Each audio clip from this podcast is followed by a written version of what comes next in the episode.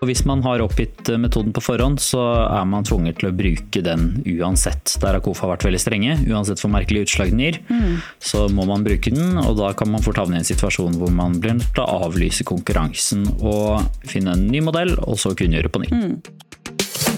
Hei og hjertelig velkommen til en ny episode av Anskaffelsespodden. En podkast fra advokatfirmaet Simonsen Vik, hvor vi tar for oss aktuelle anskaffelsesrettslige tema for å gi deg som lytter en faglig oppdatering innenfor offentlige anskaffelser. Ta med deg podkasten der du er, gjerne ut på tur. Takk for at du lytter til Anskaffelsespodden. Vi håper å gi deg nyttig faglig påfyll på en kort og konsis måte. Jeg heter Nina Sørensen og er advokatfullmektig i Simonsen Vik. Jeg jobber i all hovedsak med offentlige anskaffelser og bistår både private og offentlige klienter med problemstillinger knyttet til regelverket. Tema for dagens episode er evaluering av tilbud i offentlige anskaffelser. Det er et veldig praktisk og viktig tema som er sentralt i enhver konkurranse. I de fleste konkurranser gir oppdragsgiver tilbudene poeng avhengig av hvor gode de er. Eh, men hvilke konsekvenser har det å evaluere tilbud på denne måten? Eh, og når kan det være ulovlig? Eh, og hva er alternativet til å gi poeng, da særlig til kvalitet? For å se nærmere på disse spørsmålene, så har jeg med meg min gode kollega Olav Haukeli. Velkommen, Olav. Veldig kjekt at du vil bidra. Takk for det. Veldig hyggelig. Gir du lytterne en kort introduksjon av deg selv? Ja, jeg eh, heter Olav Haukle. Jobber som eh, advokat i advokatfirmaet Simonsen Fuktvik, jeg også. Jeg jobber eh, mye med offentlige anskaffelser. Og da er det ikke til å unngå at man kommer over dette spennende spørsmålet som vi skal snakke om i dag. Tilbudsevaluering. Det har kommet på spissen i noen saker, og er et tema som er veldig veldig spennende å følge med på. Så dette har jeg engasjert meg i, da. Eh, både gjennom foredrag og, noen artikler bl.a. på Anbud 365. Dagens tema er altså evaluering av tilbud. Dette volder rett og slett en del eh, problemer i offentlige anskaffelsesprosesser og en del utfordringer for, eh, for innkjøperne. Og det er ikke sjeldent at KOFA og domstolene må ta stilling til lovligheten av hvordan oppdragsgiver har evaluert eh, tilbudene som er kommet inn. Vi skal eh, konsentrere oss om poenggiving, altså hvordan oppdragsgiver gir eh, tilbudene poeng eller score på ulike tildelingskriterier, og hva oppdragsgiver må være særlig oppmerksom på her. Eh, og så eh, kan vi jo nevne det allerede nå at eh, DFØ, Direktoratet for forvaltning og økonomistyring, jobber for tiden med en ny veileder som gjelder nettopp disse problemstillingene, tilbudsevalueringen, og da særlig evaluering av kvalitet. Den eh, veilederen skal vi se nærmere på, og vi skal òg innom et spørsmål som stadig dukker opp eh, i denne sammenheng, eh, som rett og slett er om oppdragsgiver er forpliktet til å informere om hvilken evalueringsmodell som skal brukes. Så Olav, hvorfor er dette med poenggiving så krevende og vanskelig i praksis? Det tror jeg handler om at er to helt ulike ting eh, som man skal sammenholde. Eh, på den ene side så har man eh, ofte et tall, nemlig prisen på det man skal kjøpe. Eh, og på den andre siden så har man noe som er mye mer skjønnsmessig, da, eh, nemlig kvalitet. Eh, når man skal holde pris og kvalitet opp mot hverandre, så er det ikke automatisk gitt hvordan man skal gjøre det. Om man trenger et eller annet, en metode, da, for å gjøre det. Eh, et eksempel er jo hvis man skal kjøpe inn biler, eh, så må man da holde prisen på disse bilene opp mot kvaliteten deres.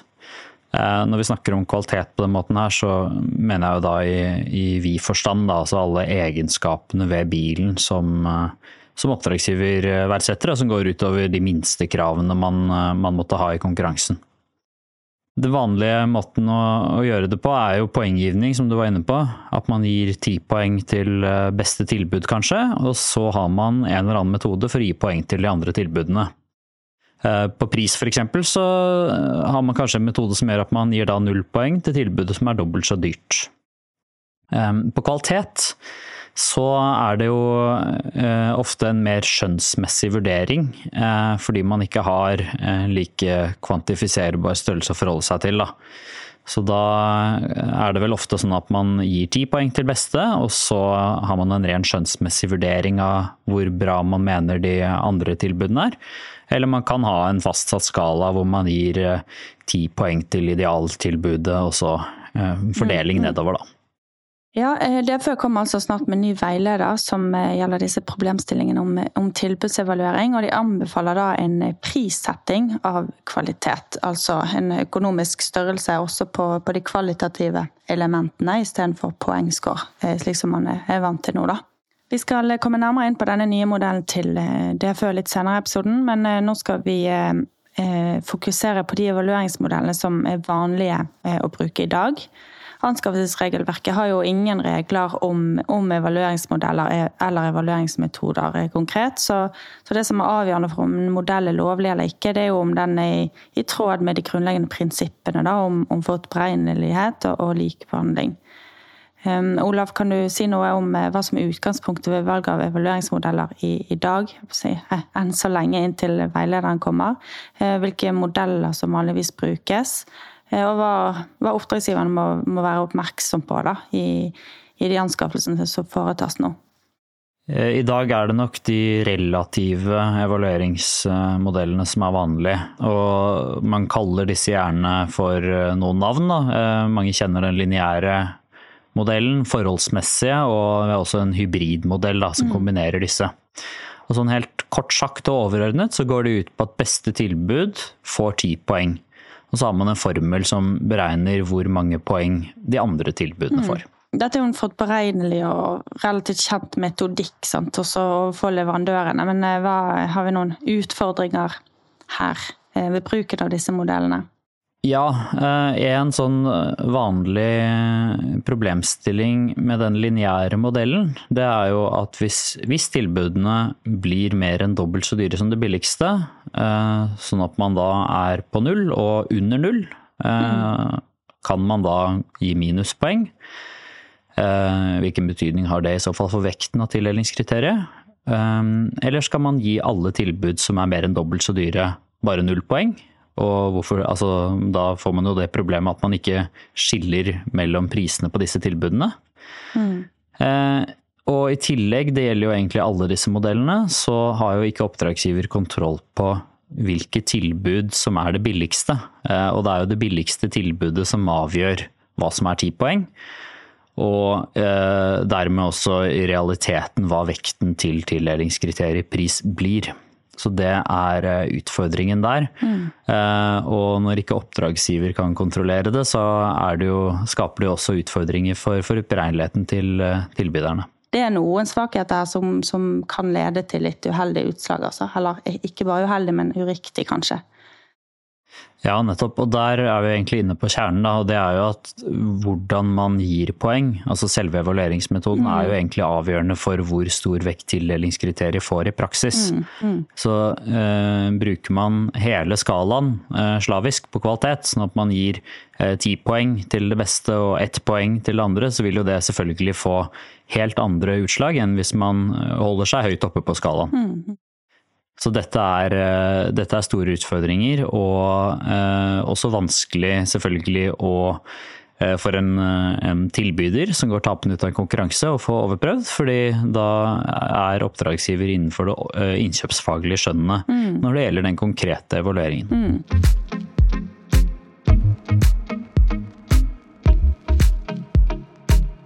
Vil du nevne noen eksempler her fra og fra rettspraksis på dette med tilbudsevaluering? Ja, en uh, sentral avgjørelse fra KOFA, uh, KOFA i stornemnd, uh, den heter KOFA 2014-95. og den gjaldt et spørsmål som ventet på en avklaring, nemlig om det var lov å bruke denne forholdsmessige metoden i tilfeller hvor det ikke sto noe om det i konkurransegrunnlaget. Som jeg var inne på i stad, så den forholdsmessige metoden har enkelte egenskaper, og, og, særlig det at jo høyere opp i pris man kommer, jo mindre utslag gir det på poengskalaen, da. Eh, så én krone er ikke lik, like mange poeng eh, hele veien på skalaen, men det varierer ut fra hvor høye prisene er. Mm. I den avgjørelsen så gikk KOFA ganske detaljert til verks eh, gjennom rettspraksis, eh, herunder da fra EU-domstolen. Eh, og de konkluderte med et krav om at det må være et samsvar mellom prisforskjeller og poengforskjeller. Uten at de dermed sa hvor stort det samsvaret måtte være. Men de stilte et krav om at det må være et, et eller annet samsvar. Mm. I den konkrete saken så var det aktuelle tilbudet det var 40% dyrere enn det billigste. Eh, men så hadde det bare fått 28 eh, poengmessig uttelling da, for denne 40 eh, prisforskjellen. Mm.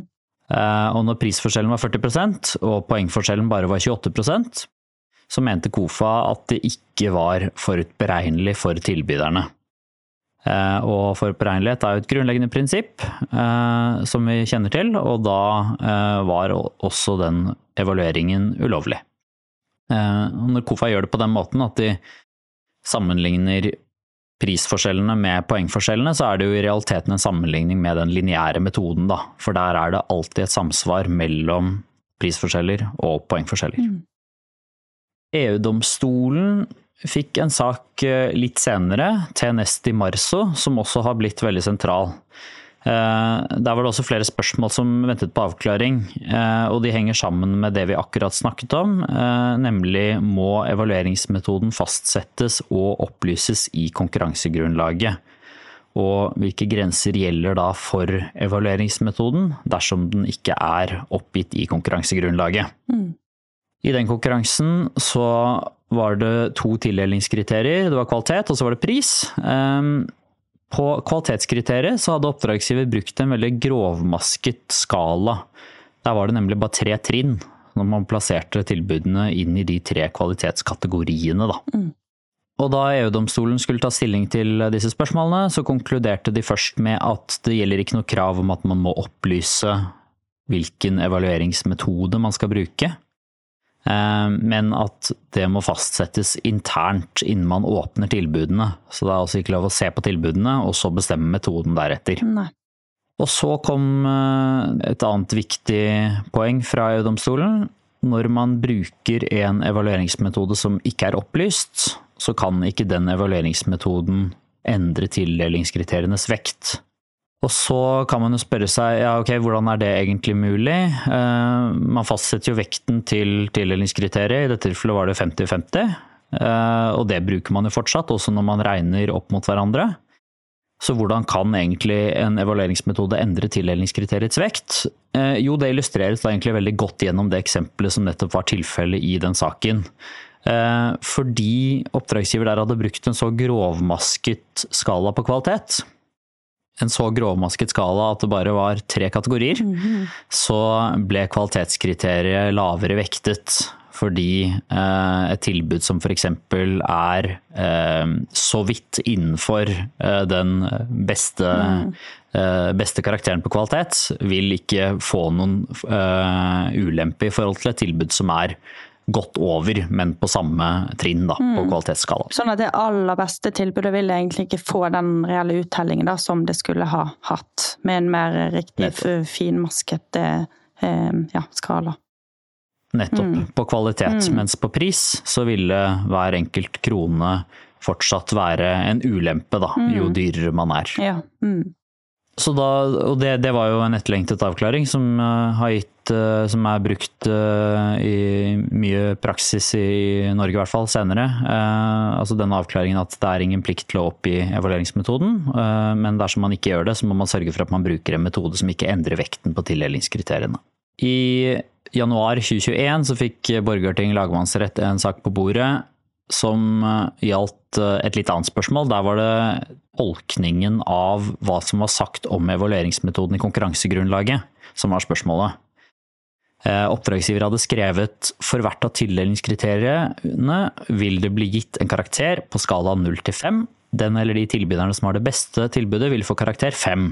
Øvrig tilbud vil få et prosentmessig trekk regnet fra det beste tilbudet. Så ble spørsmålet hva betyr det siste? Øvrig tilbud vil få et prosentmessig trekk regnet fra det beste tilbudet. Og I den saken så ble det helt avgjørende for utfallet i konkurransen om man da regnet prosent fra det billigste mm. eller fra det dyreste. Altså øh, den lineære eller den forholdsmessige metoden, rett og slett. Da. Mm. Og da innhentet øh, begge parter hver sin professor. Øh, en professor i matematikk og en professor i økonomi som sakkyndige vitner de uttalte seg om dette. Selv om det i utgangspunktet jo er et språklig spørsmål, så, så hører vi at det har, jo, det har, jo, noen matematiske sider ved seg, i hvert fall. Eh, prosentmessig trekk regnet fra det beste tilbudet. Og disse professorene eh, uttalte seg da på hver sin side om det betyr at man skal bruke den lineære metoden, eller om det betyr at man skal bruke den forholdsmessige metoden. Eh, lagmannsretten konkluderte med at ordlyden egentlig åpnet for begge, eh, og da var det ikke ulovlig av oppdragsgiver å bruke den forholdsmessige metoden som var brukt.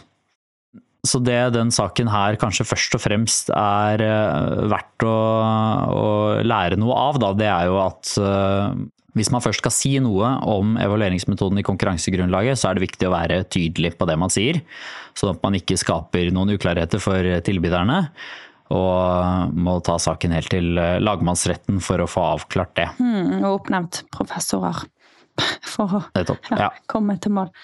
Så, så oppdragsgiver kan, eh, når konkurransen kunngjøres, velge eh, å informere om at vi bruker den og den modellen, eller de kan avstå fra å gi informasjon om det.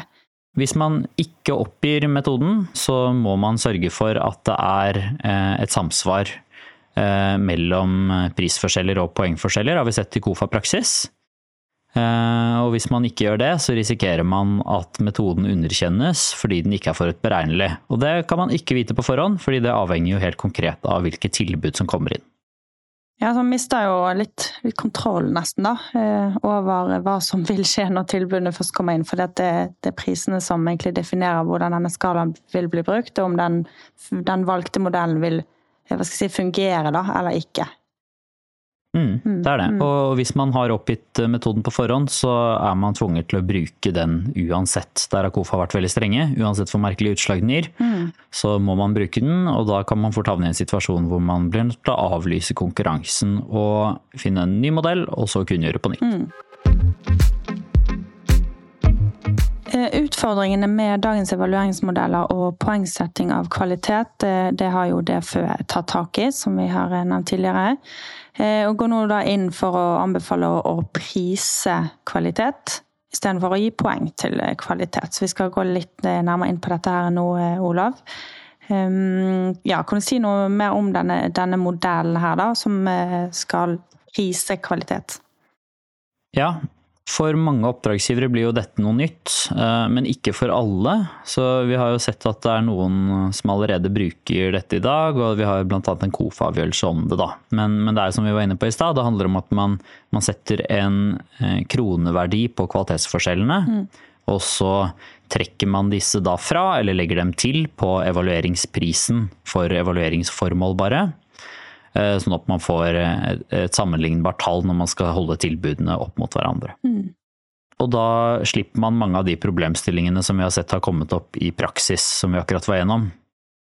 I en KOFA-sak 2019-589 eh, så eh, ble KOFA forelagt spørsmålet om det var lov å gjøre det på denne måten av flere grunner, men, men et av dem var fordi man, når man prissetter kvalitet, så kan man ikke lenger vekte tildelingskriteriene på den måten som er vanlig å gjøre i dag.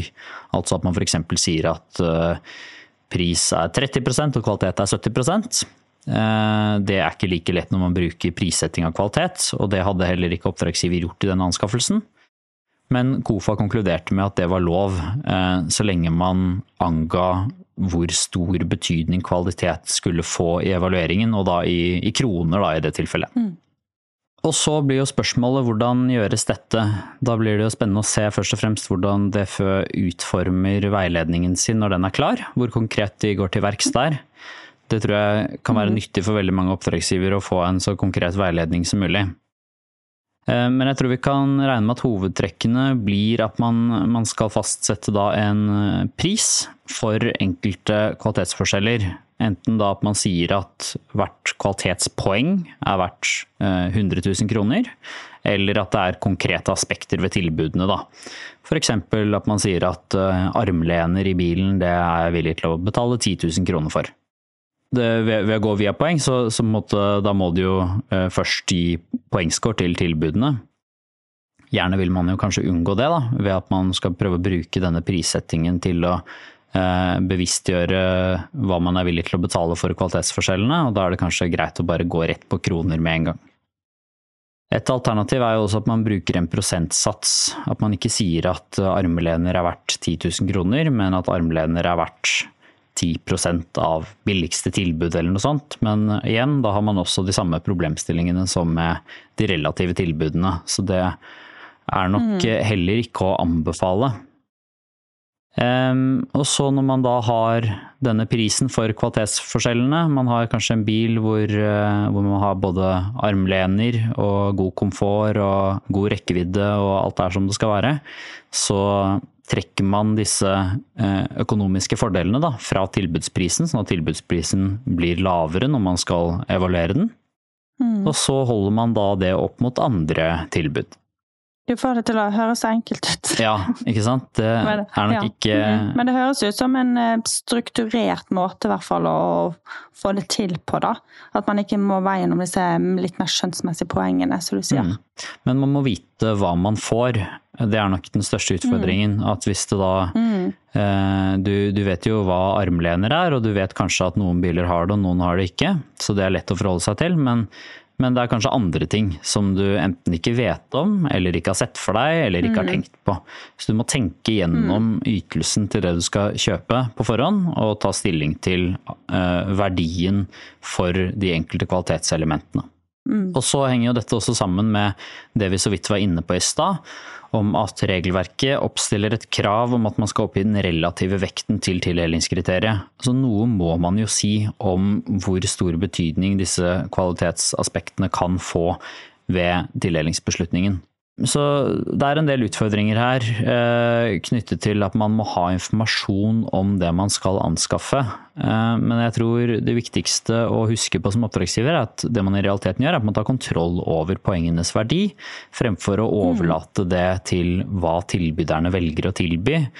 Og dermed også visse tilfeldigheter fordi man ikke vet akkurat hva som kommer, eller hvem som velger å delta.